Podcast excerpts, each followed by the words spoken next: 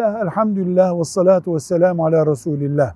Kardeşimizin narin, hassas bir sorusu var. Diyor ki, yaşlı başlı insan olduğum halde babam beni yerli yersiz dövüyor. Artık ben toplumda babasından dayak yiyen biri olmak istemiyorum. Evden ayrılıp başka bir eve geçmem gerekiyor. Böyle düşünüyorum. Babamın evinden ayrılsam günaha girer miyim?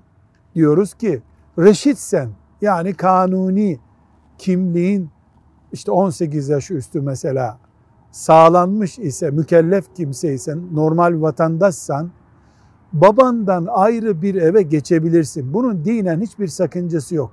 Ama iki şeyi özellikle sana hatırlatırız. Birincisi günün birinde sakın sen babana el kaldırıp ahiretini ve dünyanı batırma.